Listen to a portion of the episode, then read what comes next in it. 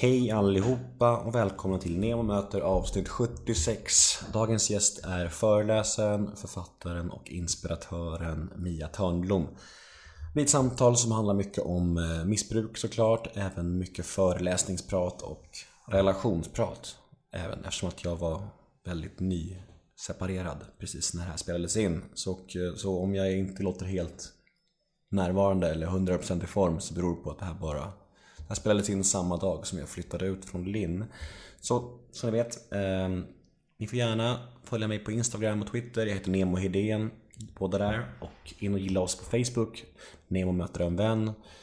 In på min hemsida nemohedén.se. Skänk några dollar på patreon.com snedstreck nemomotor. Men nog om mig, nu får ni faktiskt njuta av Nemo möter avsnitt 76 med eh, fantastiska Mia Törnblom. Rulla jingeln. Nemo är en kändis, den största som vi har. Nu ska han snacka med en kändis och göra honom glad. Yeah! Det är Nemo är en kändis, kändis. den största som vi har. Nu ska han snacka med en kändis känd. och göra honom glad. Yeah! Den där boken skrev jag ju för 11 år sedan. Eh, Jag visar Mia Självkänsla nu. Ja. En bok som jag fick av mina vänner när jag fyllde 20... Jag fyllde 28. Jag fick den här boken av dem två dagar innan jag blev inlagd på behandlingshem. nej, fick Så du? jag läste den på behandlingen. Ja. Mm. Det var augusti förra året. Vad gjorde du i behandling? Eh, Det är ett nystartat behandlingshem utanför Norrköping som, alltså människorna som startade CA, som tog CA till Sverige. Robert Boman Ja, jag vet. han. Ja, ja, du var där. Ja, jag vet Så jag var, jag var i första kullen där. Nej, vad häftigt! Så jag fick det gratis allting. Men gud vad kul att vara, vara det, alltså allt engagemang som man lägger i ett ställe som är helt nytt. Mm. Det måste ju varit något magiskt. Nu har ju du kanske inte så mycket att jämföra med, men jag tänker att så här, vad häftigt. Det var väldigt, väldigt så fräscht och det, var, det är just det som är tanken med det också. Det det är för den här subgruppen av människor som, som jag har förstått det, är, är det för en, en typ av människor som faktiskt har ganska fungerande liv, karriärer och så här, men har väldigt trasigt inre liksom. Och man, och man, alltså, man gör ju inte skillnad på missbrukare egentligen, alla har ju samma sjukdom. Men det finns en viss grupp som kanske inte kan identifiera sig och sitta med kåkfarare och uteliggare liksom. Så det är människor som, och, du vet, och det är väldigt, väldigt fräscht och fint där och jag skulle vara tacksam för alla behandlingar jag fick, absolut. Men den här behandlingen motiverade mig väldigt starkt. Och, och jag fick, jag fick första kullen där borta och nu kostar det så här 150 000 eller någonting. Jag fick det helt gratis. Så, så, så det räddade mitt liv liksom. vad jag, jag hade inga pengar, jag hade ju liksom ingenting. Nej, Så det är fantastiskt att jag fick den chansen. Så vad häftigt. tack ja. Robert Boman. Ja, eh, bra jobbat Han föreläser väl också grann? Ja, det gör han. Och, och är terapeut och, och... Har du varit på behandling? Ja, jag har varit på behandling. Jag var på behandling i höst är det 20 år sedan. Åh, jävlar. Ja, det är häftigt. Jag var på Lidingö. Det stället finns inte Kvarnlyckan. längre. Ja, Som Kvarnlyckan. pappa. Ja, som din pappa.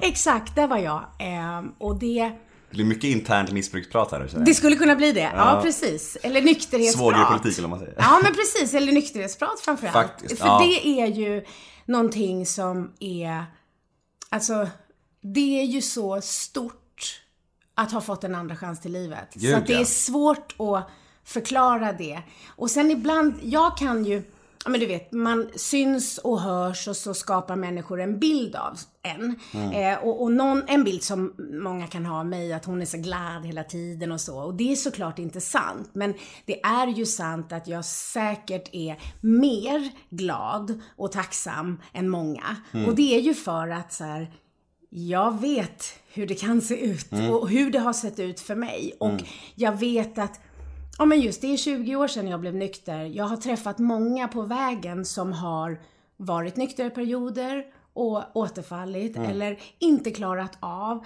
Och det ger ju en, en liksom Perspektiv- tacksam över, perspektiv också. över, ja och också så här, Men, det, men jag tycker också att det är liksom just det här, det är lite klyschigt att säga, men just det här med att man har mått så jävla dåligt så jävla mycket, alltså, så, så blir det som att Även en dag där jag mår okej, så känner jag såhär, fan det är ändå schysst att må okej. För att liksom, jag mår inte skit i alla fall, jag är inte avtänd i alla fall. Liksom, du vet, så här. Och det är så lätt för oss att hitta till ett minne. Mm. Sen kan man strunta i det. Så det är ju också ett ansvar att när, för det går, ja, det kan jag säga som då har lite längre nykterhet än vad du- har har. du 20 år? Jag har 20 år. Åh, jävlar. Ja. Please, Eh, please, nej, please, I 20 år. september. Mm. I september. Om Gud vill. Ja, om Gud vill. eller, eller om jag gör vad jag ska. Precis. Framförallt. Eh, och, ehm, så att, och det jag kan säga är att med åren så är det ju så att många saker blir ju så otroligt mycket lättare. Alltså så tillvida att man inte tror att man är frisk och slutar ta sin medicin, vilket vi vet vad det är och så. Men, men, och då med medicin ska jag väl kanske säga att det inte är piller utan att liksom Nej. ta hand om och vårda sitt inre och sin nykterhet. Eh, så.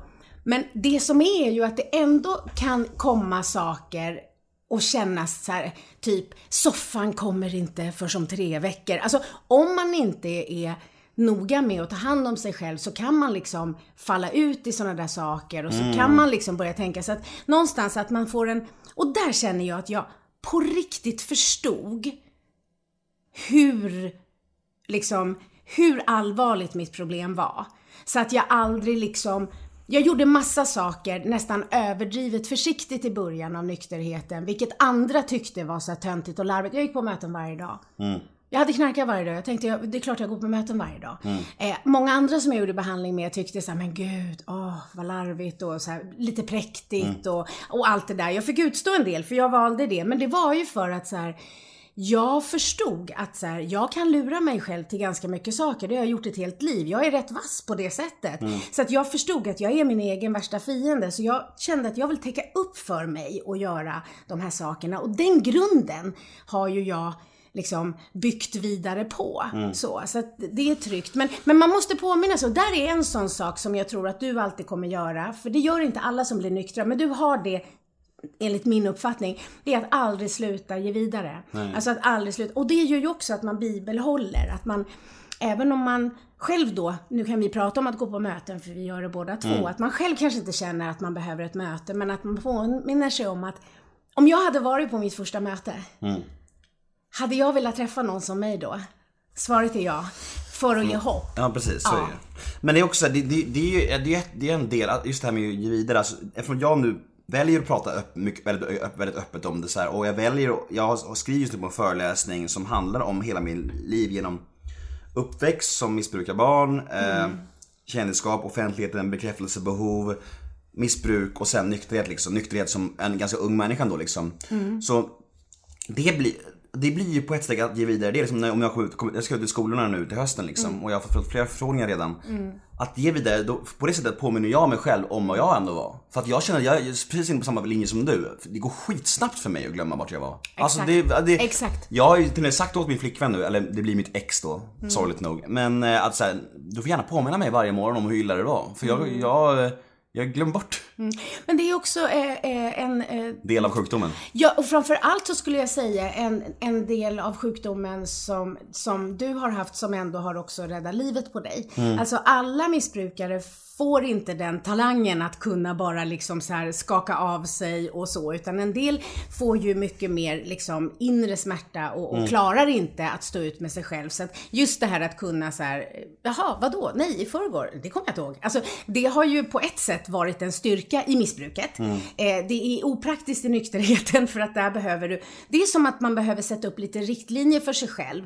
Eh, alltså vi har inte råd att fastna för länge i självömkan, för länge i rädsla, för länge i ilska. Vi behöver känna det men vi behöver ta ansvar för det. För Fastnar vi för länge i de här känslorna så kan det komma upp en tanke som säger att nej men herregud ska det vara så här så kan man ju lika bra tända på liksom. Och det är ju det. Men jag tänker så här, just den här transparensen som vi ändå pratar om, att man är så pass öppen med det som både du och jag är. Ja. Eh, liksom, på, det är ju på gott och ont. Jag känner att på, det, det fördelen med det är att min öppenhet gör ju att jag aldrig får liksom frågor om knarkiga fester längre, vilket jag uppskattar. Jag vill inte bli bjuden till de festerna, jag vill Nej. inte hänga i de rummen Nej. ens. Och, så här, Nej. och alla vet vad jag, vilken resa jag gör, vad jag går igenom. Så, liksom, så frestelserna blir ju mindre. Jag undviker liksom det helt enkelt. Jag minimerar riskerna. Ja. Men det negativa är ju också att, att jag, om jag trillar dit igen, då helt plötsligt trillar jag dit inför alla mina följare överallt. Och alla mina lyssnare kommer bara åh, han knarkar igen, ja, det var väl, det var väl Nemo, så, det visste, visste vi väl. Liksom. Ja.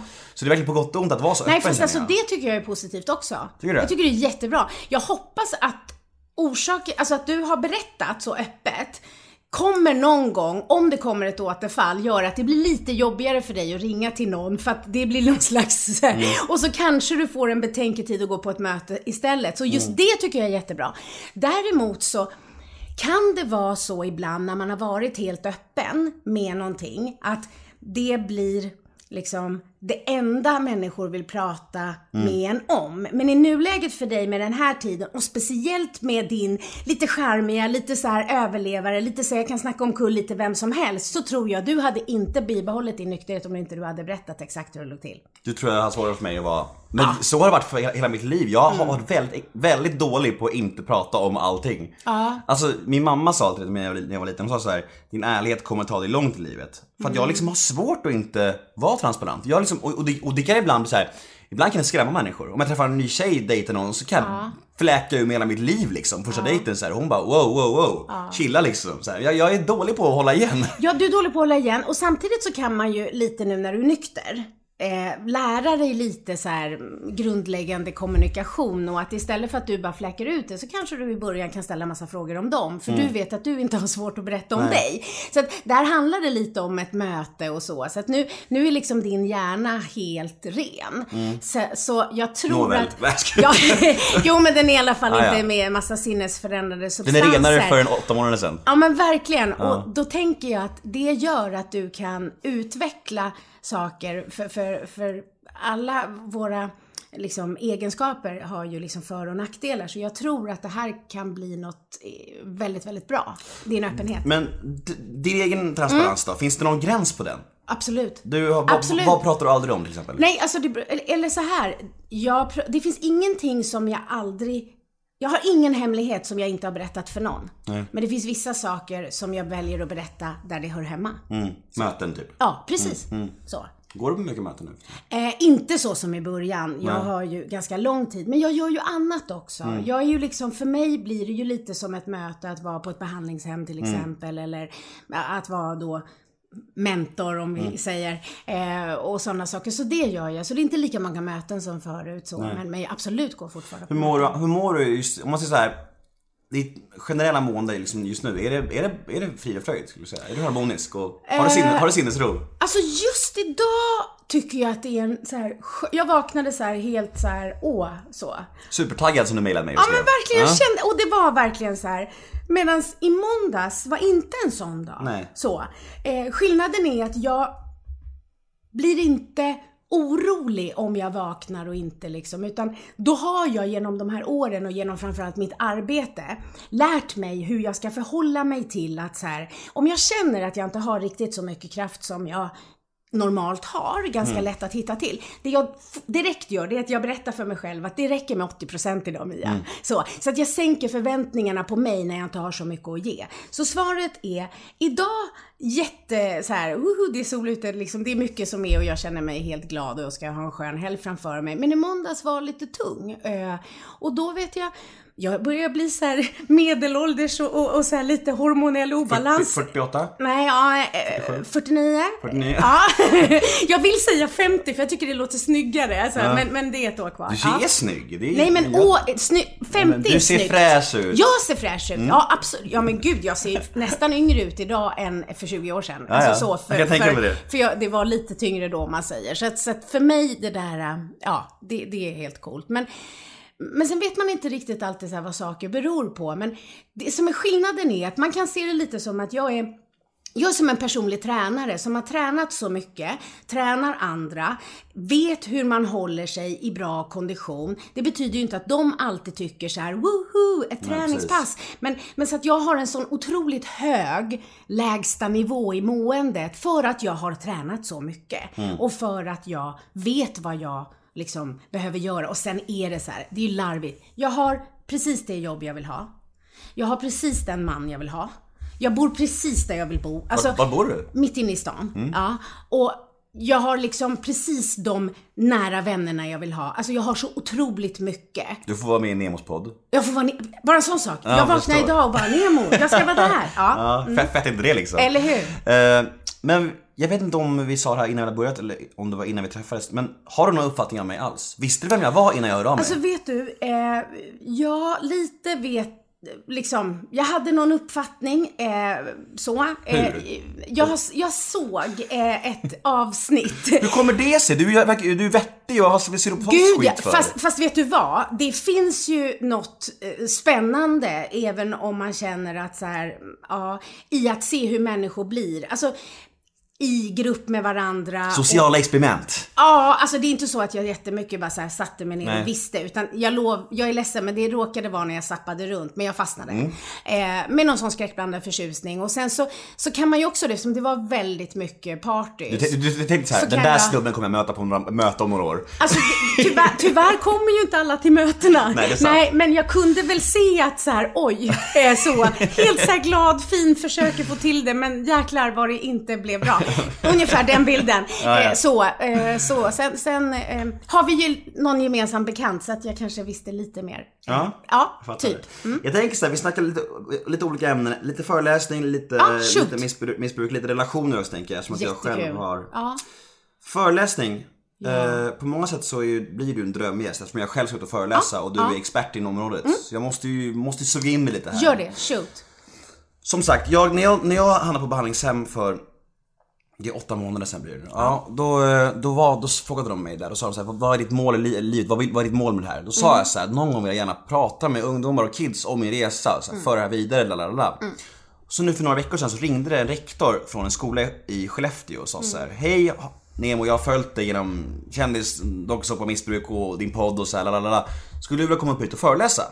Och jag bara shit, ja det är ju min dröm. Det är väl att, så jag bara fan vad fett. Han bara, ja. men vad- skriv ihop någonting och kom hit. Ja. Så jag började skriva på det, startade enskild firma nu, så, lalalala. så nu ska jag upp dit och har fått några mer, har några mer förfrågningar också, så det är några stycken. Och eh, jag, har- jag har inte gjort min första än. Men Nej. vad är det viktigaste att tänka på för en, en nött fråga liksom? Nummer ett är, varför gör du det?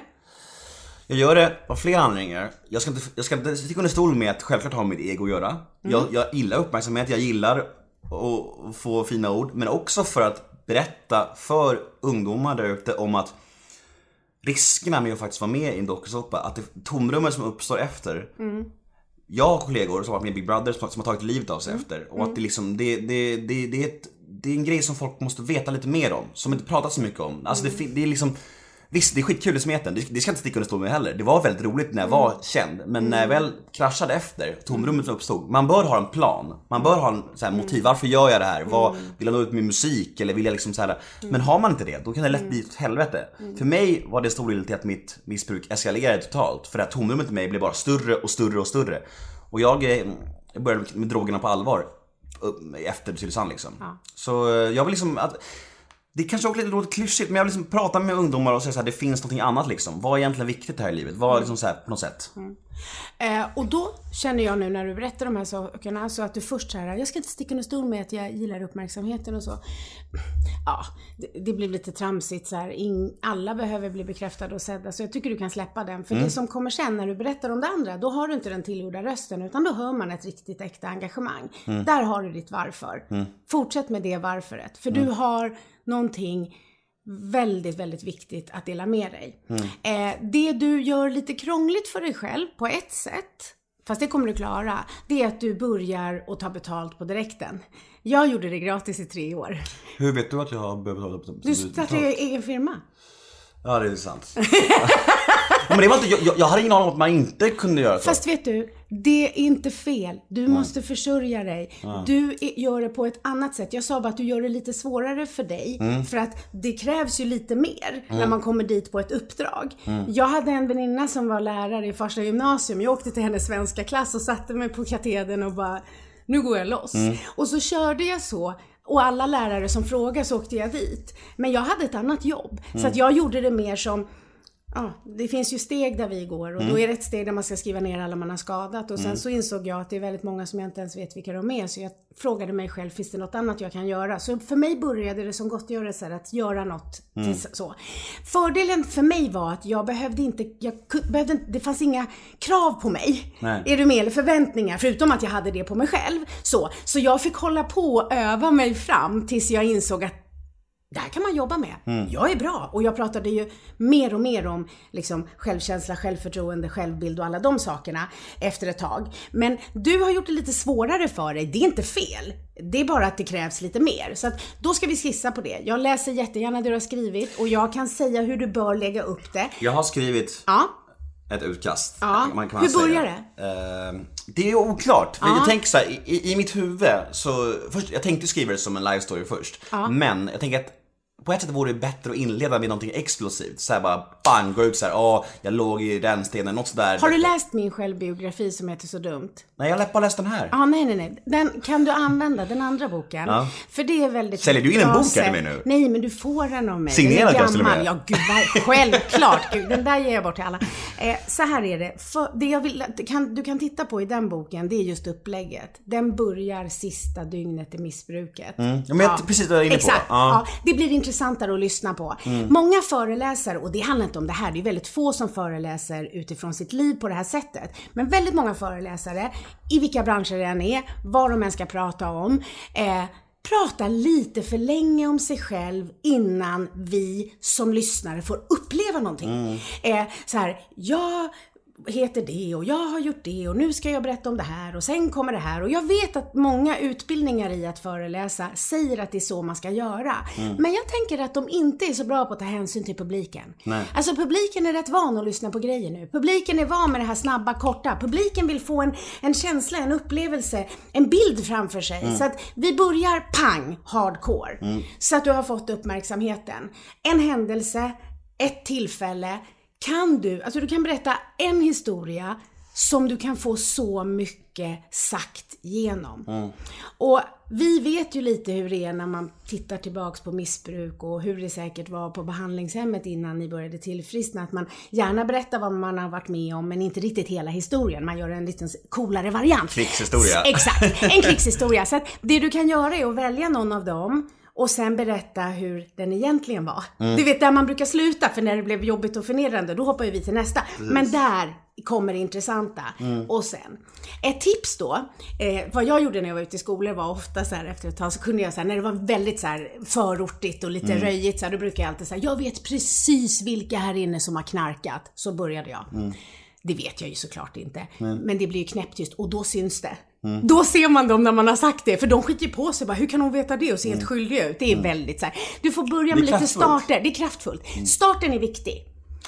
Du är inne på det här, du var inne på det här att jag tar betalt. Jag måste bara försvara mig där. Men du ska ta betalt, jag men sa bara att det kräver jag mer. Jag tänkte inte göra det först. Fakt, Ja. men, men, och jag sa, han, Fast jag tycker men han, du ska men rektorn som ringde, han sa Ja. såhär, du borde ta betalt för det Ja. ju, ju, ju, verkar, seriö, ta verkar seri- seriösare. Fast vet du vad? Du jag borde ändå nog... öva och träna på folk. Det alltså, Fast det har du gjort. Du kan det här. Snälla, ta det inte på det sättet. Det var inte det jag menade. Vad jag Nej. menade var att så här, du gör din premiär Mm. lite svårare för dig själv. För det finns ju jättemånga människor som ställer sig och föreläser som aldrig haft en föreläsning och får väldigt mycket mer betalt än vad du kommer få av den här skolan. Mm. Så släpp den! Inte någon förminskning. Vad jag sa var bara att mitt sätt var lättare. Jag, ingen kunde begära. Det kunde misslyckas utan. Och det kan det här också. Det är bara att nu krävs det ju lite mer. Jag åkte ju bara dit och skulle träffa hennes elever i svenska. Och sen så kände jag så här och sen så bara spred det sig och gick vidare. Men nu ska vi skissa på din. Och vet du vad?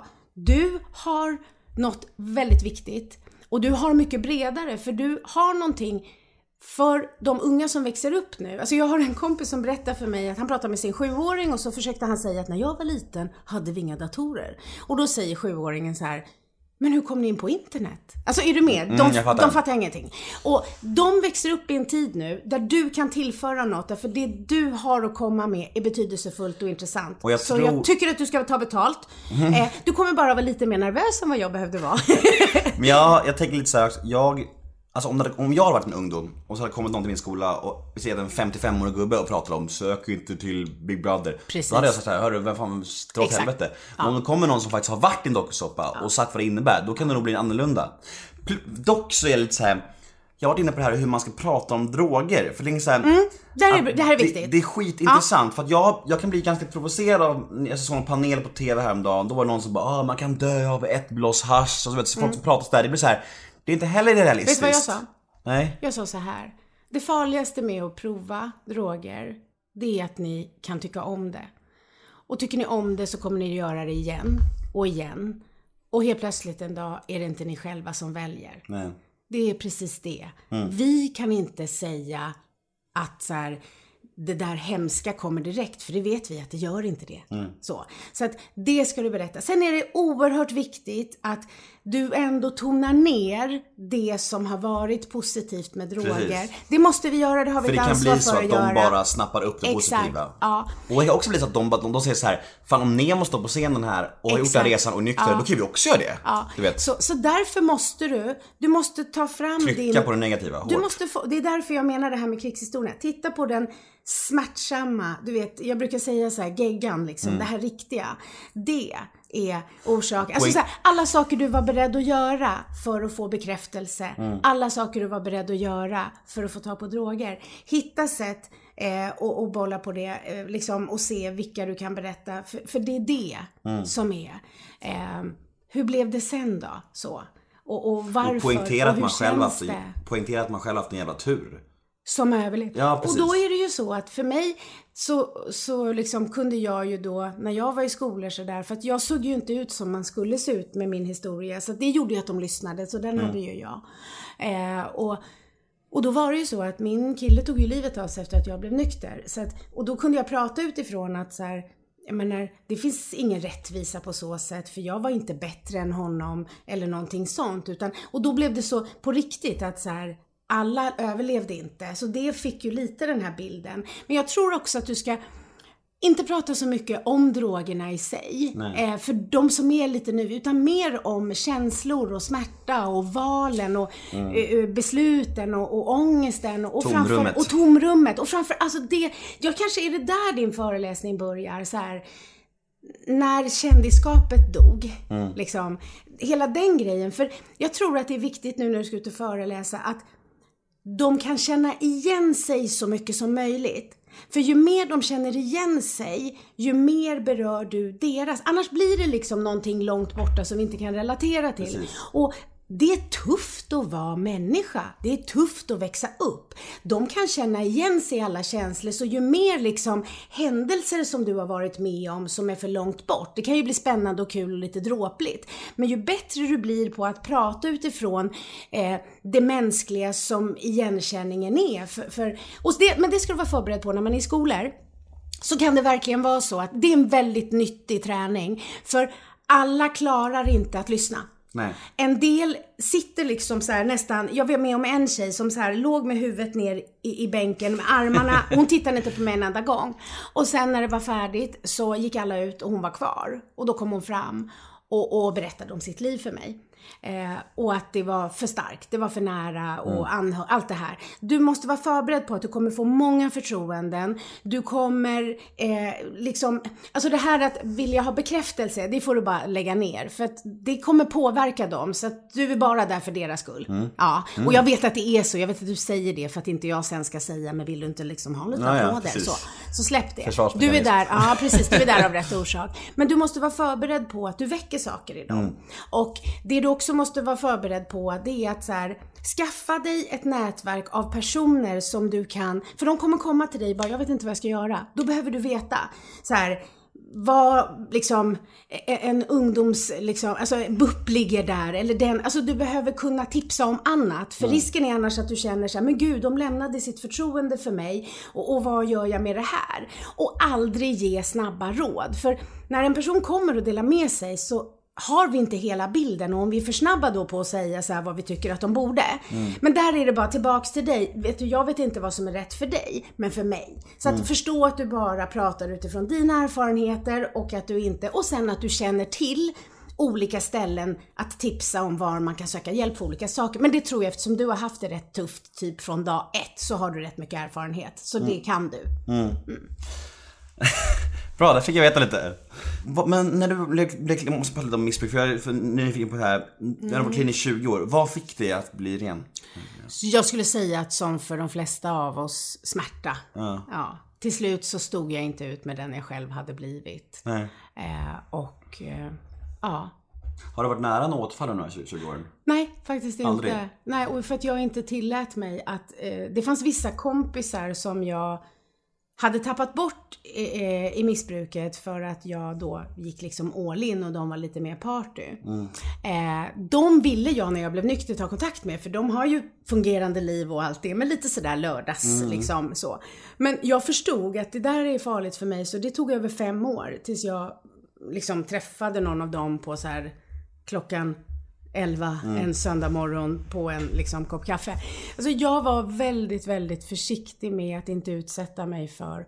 Eh, jag tror att jag var så oerhört rädd för att ha återfall så att jag var överdrivet försiktig med Men det är ju miljöer. smart. Det är det jag menar, alltså, det, det, att minimera riskerna. Det är väl lika bra att göra det. Varför, varför Det ska tog man? jättelång tid innan jag var på liksom fest med alkohol. Eller så här, när folk börjar dricka, i början är man ju nästan fixerad vid såhär, gud han drack fort öl. Nej, ska han mm, lämna? Eller, Och man jaha, lever in i andras nej, man, man glor bara. liksom. Men det, då visste jag så här att jag stannar en liten stund och sen går jag. Alltså jag var överdrivet försiktig. Idag så är det så att, alltså skulle jag komma in och det var liksom, och folk satt och så här, snorta cola så skulle jag bara gå på direkten. Mm. Eh, men människor runt omkring mig dricker hela tiden. Alltså jag är ju fullt med, alltså hela tiden, jag har inte en massa alkisar runt omkring mig. Men alltså människor dricker alkohol. Och, Dricker din man?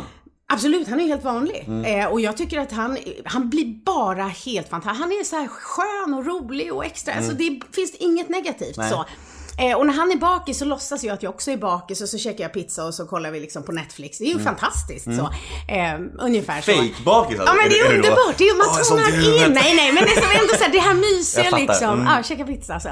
Eh, nej men alltså och, och eh, nästan alla de jag har riktigt nära mig eh, är liksom så kallade då vanliga eller på så sätt att de kan dricka utan, alltså de har inte den här problematiken som du och jag har. Så att det påverkar mig inte överhuvudtaget. Eh, men jag var väldigt försiktig med allting i början. Så. Eh, och jag tror just det här att jag har ju många som jag har träffat på vägen som, som har klarat sig ganska länge och då får de någon slags övertro på och sluta liksom Ja men tänker att det är lugnt och så. Jättemånga som säger efter tio år så här, ja men ett glas vin. Ja. Och så här, och jag bara, fast så här, helt ärligt. Eh, även om någon säger nu så här, och det är bevisat att jag är frisk. Att jag numera kan dricka alkohol utan att riskera att falla tillbaks i missbruk. Så skulle jag ändå inte göra det. Nej, det fattas mig inte. Och sen är det också så, jag är jätterolig full, men inte så pålitlig. Så jag vet att är jag packad, då vill jag något annat som jag tycker är roligare. Precis, jag känner det. Ehm, elaka tungor, det här, det här, du får, du, om du inte vill svara på det här, då får du säga till. Ehm, Men folk, inte många, men jag har hört att folk, vissa människor tycker att du har tjänat väldigt mycket pengar, alltså på föreläsningar och böcker, av tolvstegsmodellen. Ty, eh, vad, har du något, ty, vad tycker du om det? Finns det en poäng i det? Eller Alltså jag bara- vet inte, men eh, för det första så känns det lite som att så här, allt det jag lärde mig när jag utbildade mig till mental tränare och när jag står och pratar om det, som inte alls är tolvstegsanknutet, så är det jättemånga tolvstegsmänniskor som känner så här, uh, det där är programmet. Jag tror jättemånga programmänniskor inte har så mycket koll på att tolvstegsprogrammet är stulet av något som heter Oxfordrörelsen. Och att egentligen alla metoder, NLP, alla olika metoder för mental träning är väldigt lika. Eh, och jag tror att någon kom på allting för väldigt, väldigt länge sedan och att liksom någonstans att hitta sitt inre. Men jag kan säga att jag har gått otroligt mycket utbildningar och läst massa böcker och allt det här inom då eh, självledarskap och personlig utveckling. Och på vissa områden så är det så att det jag lärde mig ifrån liksom AAs grundprogram slår en hel del annat och det har jag behållit. Men jag vet inte varför det är fulare för mig att eh, ut och prata och föreläsa och utbilda människor där lite är från A, där något annat är från något annat, än vad det är för någon att driva ett behandlingshem. Nej. Nej men jag håller med, alltså, gre- grejen jag, jag, jag tycker att mycket, mycket finns där men, men, men, men samtidigt så ser jag inte problemet i det eftersom att jag Alltså så här, jag kan säga, så här ska jag svara. Det här är svaret. Alla nyktra har programmet att tacka för sina karriärer. Alla. Men jag tycker så här, precis, det är det jag menar. Men jag tror bara att de människorna som säger så, jag är inte en av dem. Jag, jag tycker att mycket påminner om det, men jag ser inte problemet i det. För jag tycker att jag tror det är mycket avundsjuka och bitterhet i att man själv inte har kommit på grejen att faktiskt, fan man kan göra något fett av det här liksom. Då kan jag säga att för 20 år sedan då på stenåldern när jag började gå på möten så var det ingen som pratade om självkänsla. Nej. Så därför fick jag söka mig vidare för att liksom komplettera med det. Mm. Där kan jag känna mig oerhört glad över att jag lyckades prata om det här på ett sätt som nu Mm. Väldigt många andra också gör. Så, så att ah, Alltså så här, jag vet inte hur intressant det här är för andra utanför möten, Nej, den här. Mm. frågeställningen. Så vi får väl se om den ska vara med eller inte. Men så här, jag vet när jag skrev min första bok. Eh, Är det den? Eh, ja, precis. Det där är min första bok. Och den handlade ju om att då har jag ju coachat människor i jättemånga år. Människor som inte har någonting med missbruk att göra. Så. Eh, och då var det just några så på möten, så här, men gud, hon fick ju ut en bok. Och då tänker jag så här, nej, jag fick skriva, jag har skrivit en bok. Alltså, jag tror att man tänker ibland att så här, du bara fick en podd. Nej men du har skapat den här podden. Du har ringt till alla människor, du har kämpat som en idiot, du har liksom slitit och ansträngt dig och slitit och ansträngt dig. Jag tror att ibland när man tittar utifrån så tror man att människor bara så här och där damp det ner en podd som jag fick, eller där damp det ner en bok och så. Men alltså så här, du kan inte nå framgång, ta plats utan att någon tycker, tänker något om det. Nej. Men jag känner ingen nykter som inte har programmet att tacka för sin nykterhet och sin karriär. För utan nykterheten så har vi ingen karriär. Så är det verkligen. Angående relationer. Jag har ju bröt upp med min tjej nu väldigt, väldigt nyligen och eh, det är av flera anledningar så vi ska inte gå in på det, på det för djupt för det är ändå lite, lite privat. Men det- en stor del av det är ju att jag lever i programmet nu och hon inte liksom, hon fortsätter att festa då och då. Så det blir liksom, man växer ju isär liksom. Har du någon erfarenhet av det? Och är det, är det vanligt? Har du hört mycket sånt? Att, att när en... Alltså det finns ju då som du hörde på ditt behandlingshem en massa rekommendationer när man blir nykter. och, och just det här att Alltså sen är det så, har man en relation när man blir nykter så är det ju inte så att de säger gör slut. Men det är ju så att, att ha haft en relation i ett missbruk och personen blir nykter, det blir ju väldigt annorlunda. Så. Eh, jag tror så här att det viktiga är att du gör det du behöver för din nykterhet. Alltså att din nykterhet kommer först. Så. Eh, betyder det att ni inte kanske blir tillsammans i framtiden? Det vet vi inte. Men att du nu prioriterar din nykterhet först. För att jag skulle inte ha vågat sju, åtta månader nykter att ha en relation med någon som liksom festar ganska mycket så. Det skulle jag inte ha vågat utsatt mig för. Och det handlar inte om dem. Det handlar ju om oss. Så, att ha det så nära.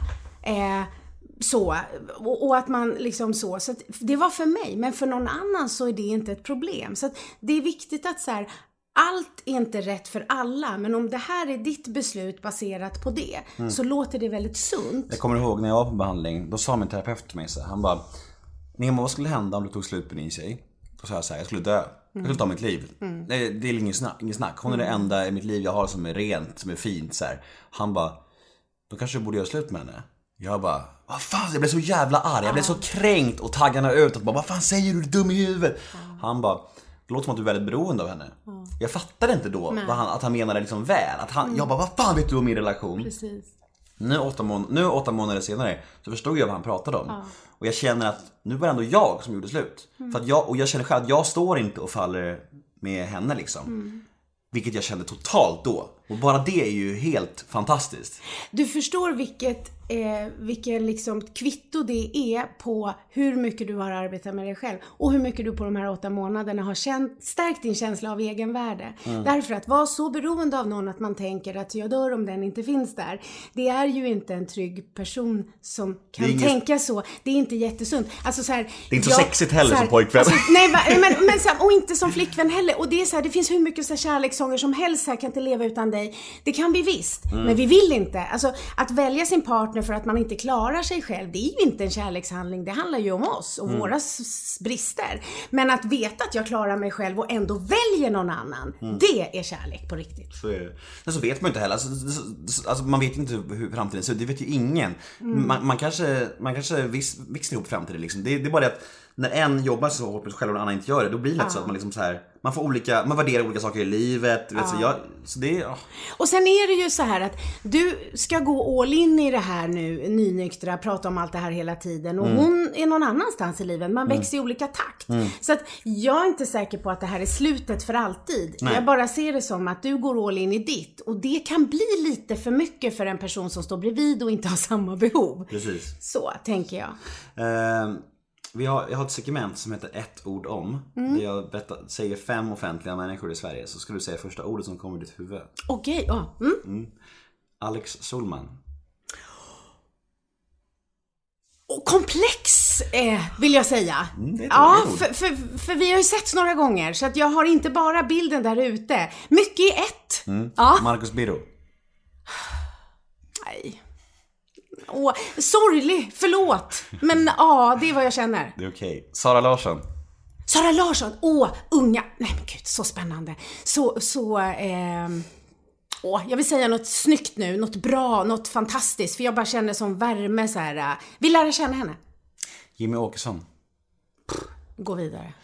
Leif GW Persson. Känner också.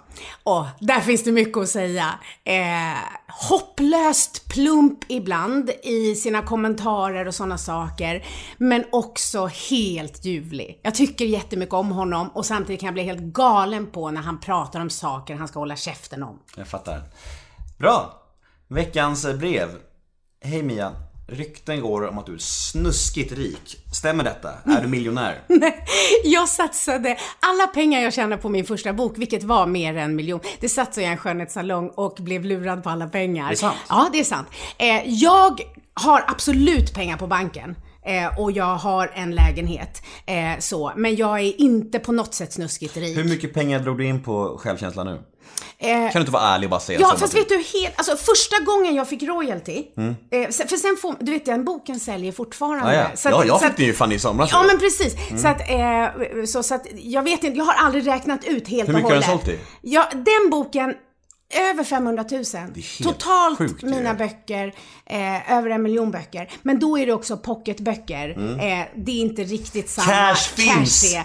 Så. Men sen är jag ju väldigt bra på att så här, spendera pengar. Ja, Mm. så, så att eh, jag har, men jag har alltid varit driftig. Så, så det Var du driftig inget- när du var aktiv narkoman också? Mm. Men jag tänker såhär, vad, om, idag så har du ju känns skapet harmoniskt och sinnesro och allt vad det nu är. Men Mm. när mår du som sämst då? Vad får du riktig ångest av idag? idag? Nej, vet du, jag har inte ångest på det Nej. sättet. Jag vill vara noga där för att jag har människor som jag känner nära som på riktigt får ångest. Mm. Och då är det jäkligt viktigt tycker jag att man inte slarvigt uttrycker sig Jag med de helt orden. med, ja. För mig är det jätteviktigt. Jag är privilegierad där, att jag har liksom Folk missbrukar det ordet ångest. Absolut! Och, och har man sett människor nära på riktigt liksom lida Mm. emotionellt så, så, så då blir man försiktigare Mm. med att använda de orden. Så, så att, nej, alltså så här, vad tycker jag är värst? Jag gillar inte ovisshet. Jag är bättre på att hantera en riktig kris än så här hopp och förtvivlan, av eller på eller hur ska det bli? Sånt ogillar jag. Eh, precis som du sa när vi här, jag är lite otålig. Jag är också otålig. Jag Mm. är liksom, ja. Det har ju blivit bättre, jag blir tröttare för varje år som går, så man blir lite, Ja, ja, lite mindre spontan bara Ja, av det. Eh, så det är väl bra. Men vad, vad får mig att må dåligt? Eh, som alla andra när man blir sviken eller liksom, eh, ja men sådana så som det är. Och det är så här, sviken, det handlar ju också om att vi lägger förväntningar på andra som de inte kan leva upp till. Så att egentligen handlar det ju om en själv många gånger. Så. Men, men jag är precis som vilka andra människor som helst. Men jag har turen att inte vara depressivt lagd. Alltså många som använder droger, nu har det blivit vi har bara pratat knark hela tiden och jag sa att vi skulle inte prata knark. Det blir lätt det så. blir lätt det så med en Det blir knarkis. som med Mange också. Ja, slut. herregud. Ja, jag var helt lurad har jag kommit dit. Neobo. Ja, du avväpnar. Men i alla fall, eh, antingen är det så att man mår jättedåligt och så flyr in i det.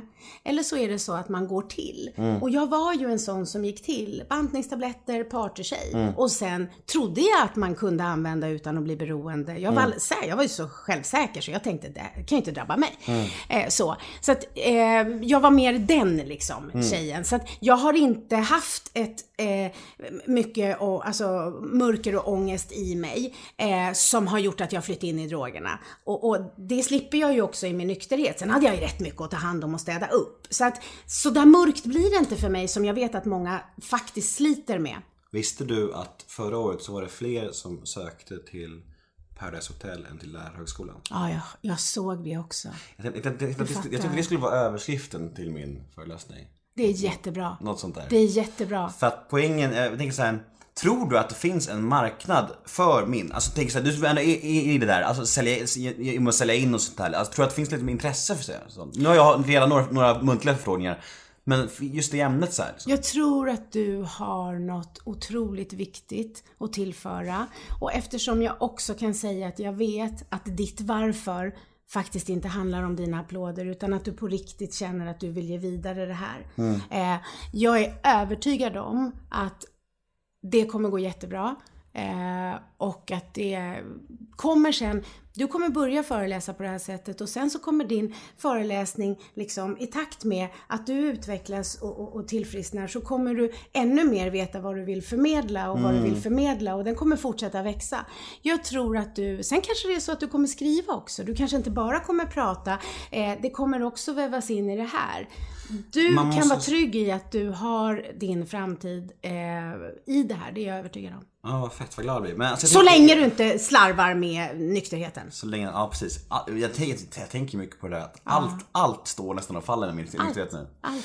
Men jag tänker så ska man vara lite tydligare för att, att, föreläsa, det är också intressant, när jag ändå har det här, du, får ursäkta om jag bara tjatar men det, det, det, är bra när man har ett proffs här, det får jag passa på att fråga. Ja, men det är mycket roligare än att prata det andras. Shoot, Ja, det här är kul, Nej, det här är mitt jobb. ja, det här är en del av mitt jobb, förutom när jag då utbildar i ledarskap. Det måste vi ändå säga. Mm. Att mitt riktiga jobb är att utbilda i ledarskap, alltså konflikthantering, feedbackträning, Mm. eh, jättemycket kommunikationskurser och så har jag tio personer som Jag jobbar som. Mm. coacher. Det är klart du ska. Ja. Får jag rabatt? Det är klart du får. Ja, gud, en sån Eh, som du. nej men jag tänker Ja. så här, när man, när man ska ge en föreläsning och man ska ändå prata om såna grejer så det kommer ändå bli lite, alltså även om vi ska försöka dämpa drogpratet så kommer det ändå bli en del droger. Vilken ålder ska man inrikta- inriktas på? Det är gymnasiet va? Som är lämpligast? För det, högstadiet är för tidigt, är inte det? Ja, fast då, du, får, du måste förstå att du måste anpassa din berättelse, din föreläsning Man till skriver- vem som lyssnar. Precis, Ja. man skriver lite olika varianter. Du ska skriva olika varianter. Eh, du ska också träna dig i att berätta historier på olika sätt. Eh, du ska också vara försiktig med att så här, du behöver inte, alltså du ska berätta om när du vaknar upp, inte när du tänder på. Förstår Ja, du? Alltså så här, det, det där är det intressanta och det kan du berätta eh, för jätteunga människor. Alltså en gång höll jag en föreläsning, det var en friskola. Den yngsta gick i ettan och den äldsta var föräldrarna. Och, och då var det ju lite så när man skulle säga att jag jobbar då som, som liksom eh, ledarskapscoach eh, och, och med lite så här men, liksom mental träning och, och, och personlig utveckling. Så när jag pratar med de här jättesmå sju, jag bara, jag är lite så här som en gympalärare fast för själen. Och sen när man vände sig till föräldrarna så fick man säga på ett annat sätt. Ah, ja. Alltså det handlar om att förstå att all kommunikation sker på mottagarens villkor. Du behöver förstå att du behöver anpassa för där de befinner sig. Sen ska du veta en sak, vad som är en utmaning när man föreläser för ett högstadie. Det är att det skiljer så oerhört mycket mellan en ung sjua, alltså en som är liksom sent utvecklad och en väldigt, eh, kanske på gott och ont, väl utvecklad nia. Det är som helt olika världar. Så det är det absolut svåraste, 7 till 9, men också absolut viktigaste kanske. Precis. Så jag tror att där skulle du kunna tillföra, men där tror jag mer att du ska prata om, om eh, liksom, du kan, ta, alltså, missbruk, du kan, du kan prata om alkohol, att du flydde i, du klarade inte att stå ut med dig själv. Så att du flydde in i droger för det var för mycket ångest så. Alkohol och droger. Sen behöver du inte prata om vilka droger och varför och allt det där, helt ointressant. Utan det är liksom orsaken till det. Eh, men jag tror att de verkligen som, för de är dokusåpor normalt. De har växt upp med det. De har aldrig varit med om att det inte finns. Så. Eh, att vi får titta in hemma hos alla människor och så. Eh, att berätta lite hur det kan bli efter en sån upplevelse. Det kan du prata om där och sen kan du prata om att så här, jag stod inte ut med mig själv. Eh, och sen kan du prata om hur du kände. Så här, utanförskap och det. fokusera på det här tomrummet som säkert Tom- många ungdomar, det. som säkert många kids kan känna igen sig i. Det här. Försöka, försöka passa in, försöka liksom lösa det här interna problemet Sen tror med jag, externa lösningar. du sa bara sådär som i en eh, förbisats att du är uppväxt i ett hem med Ja. missbruk. Men det är också, det är, det är officiellt så det kan... Ja, men det är jättemånga andra ungdomar också. Mm. Så det ska du inte, när du är i en skola, bara hoppa över. Jag har ofta, jag har ofta skylt på det. Alltså jag tänker såhär, eftersom att vi var sex barn, pappa missbrukare, mamma var extremt medberoende och frånvarande. Då har jag skylt på att det här tomrummet uppstod där för att jag behövde mer uppmärksamhet än vad jag fick. Så där uppstod ett tom, tomrum som jag har haft hela livet liksom. Och det, jag är typ skylt på det, min uppväxt. Det har varit Jag- jättebra. För du har ju kunnat fortsätta missbruka utan att någon har sagt att du inte får det, för det är synd om dig. Ja precis, Ja, och det, det, det är så dumt att man skyller på det för mina, syskon har inte samma tomrum. Det är bara liksom, Det där är så jäkla bra och det ska du säga. ja. Du ska säga de sakerna men du ska heller inte förringa hur du upplevde att växa Nej. upp. Sen vet vi inte om du hade vuxit upp i en icke-missbruksfamilj, om det här tomrummet ändå hade funnits. Det har vi ingen aning om. Nej. Men många barn växer upp och utvecklar eh, olika typer av medberoende. Och där är det så att eh, till sina föräldrar. Och, och där har ju du något unikt eh, som är så öppen och ärlig och vet att det är coolt med dina föräldrar och resten av familjen. Så att du kan prata om det men alltid utifrån ditt eget perspektiv. Men då är det viktigt just att se det som att, att det är klart att det var tufft men det är många som har det tufft som inte blir så som Ja, jag blev. precis. Ja, så. Eh, Nej men absolut, nej men det, det, ja, det är intressant. Jag, jag, jag skickar mitt utkast till dig så får du komma till feedback. Ja, Någon gång. Vi är strax, strax klara. Ja, ja, ja, men jag har tid. Jag är igång nu. Jag tycker nu kan vi prata om mer saker. Ja, Hur ser det ut med drömmar och framtid? Det känns som att du är en sån som har fått göra det mesta du vill. Alltså, Ja. Har du något, har du något så här kvar som du mina mål, drömmar i livet? Ja, men alltså jag startade, jag har ju då det här utbildningsföretaget som jag har haft då sedan eh, 2001. Mm. Där vi då, jag har kontor i Stockholm och Göteborg. Det är jättekul, jag är jättestolt över det. Men sen för någon vecka sedan så startade jag ett till företag. En talarförmedling.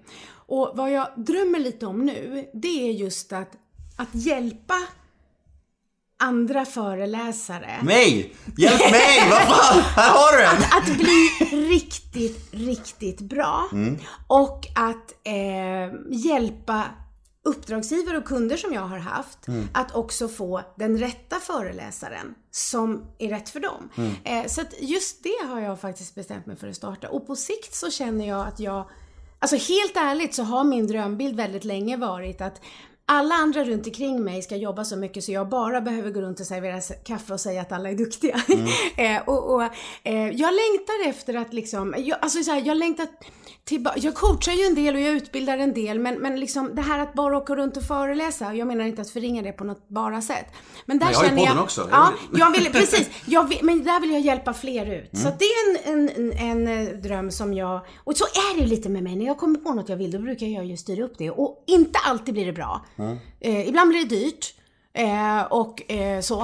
Eh, men men jag, jag, jag vågar. Jag vågar misslyckas. På riktigt vågar jag misslyckas. Bra. Jag tänker att eh, jag är precis i startgroparna om, om att få betalt för podden nu. Så tänker Ja. jag, tänker, tänker att podden och föreläsningarna det skulle jag vilja kombinera då och ha det som ett liv. Jag, jag har, alltså, framöver, jag, jag vill inte föreläsa hela livet men liksom, det är min plan närmsta året. Det har varit grymt att kunna kombinera det. Och, Och då ska du veta att som föreläsare blir man bättre och bättre. Och det är mycket, mycket häftigare där du, när du ser vad de tänker, hur de reagerar. I början är man ju nervös och tänker på vad man ska säga och hur man ska komma ihåg. Men ju mer du, så är det lite som att du dansar och du kan liksom vara med och liksom, och just det här att se när människor liksom kommer till insikt eller får aha-upplevelse eller blir berörda eller påverkade så. Det är applåderna. Men vad, är, är, det, är det viktigt tycker du att ha så här, massa bilder, videor och frågeställningar och allt sånt där också? Eller tycker du att man, kan man bara ha babbla också? Alltså jag tror så här att man ska så här keep it simple.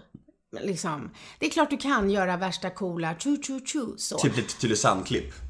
Ja men det skulle du ju absolut kunna ha för du vet att de du träffar nu i skolan de har inte sett till Det är det jag menar. Du börjar bli gammal. Ja. Fan vad gammal. ja.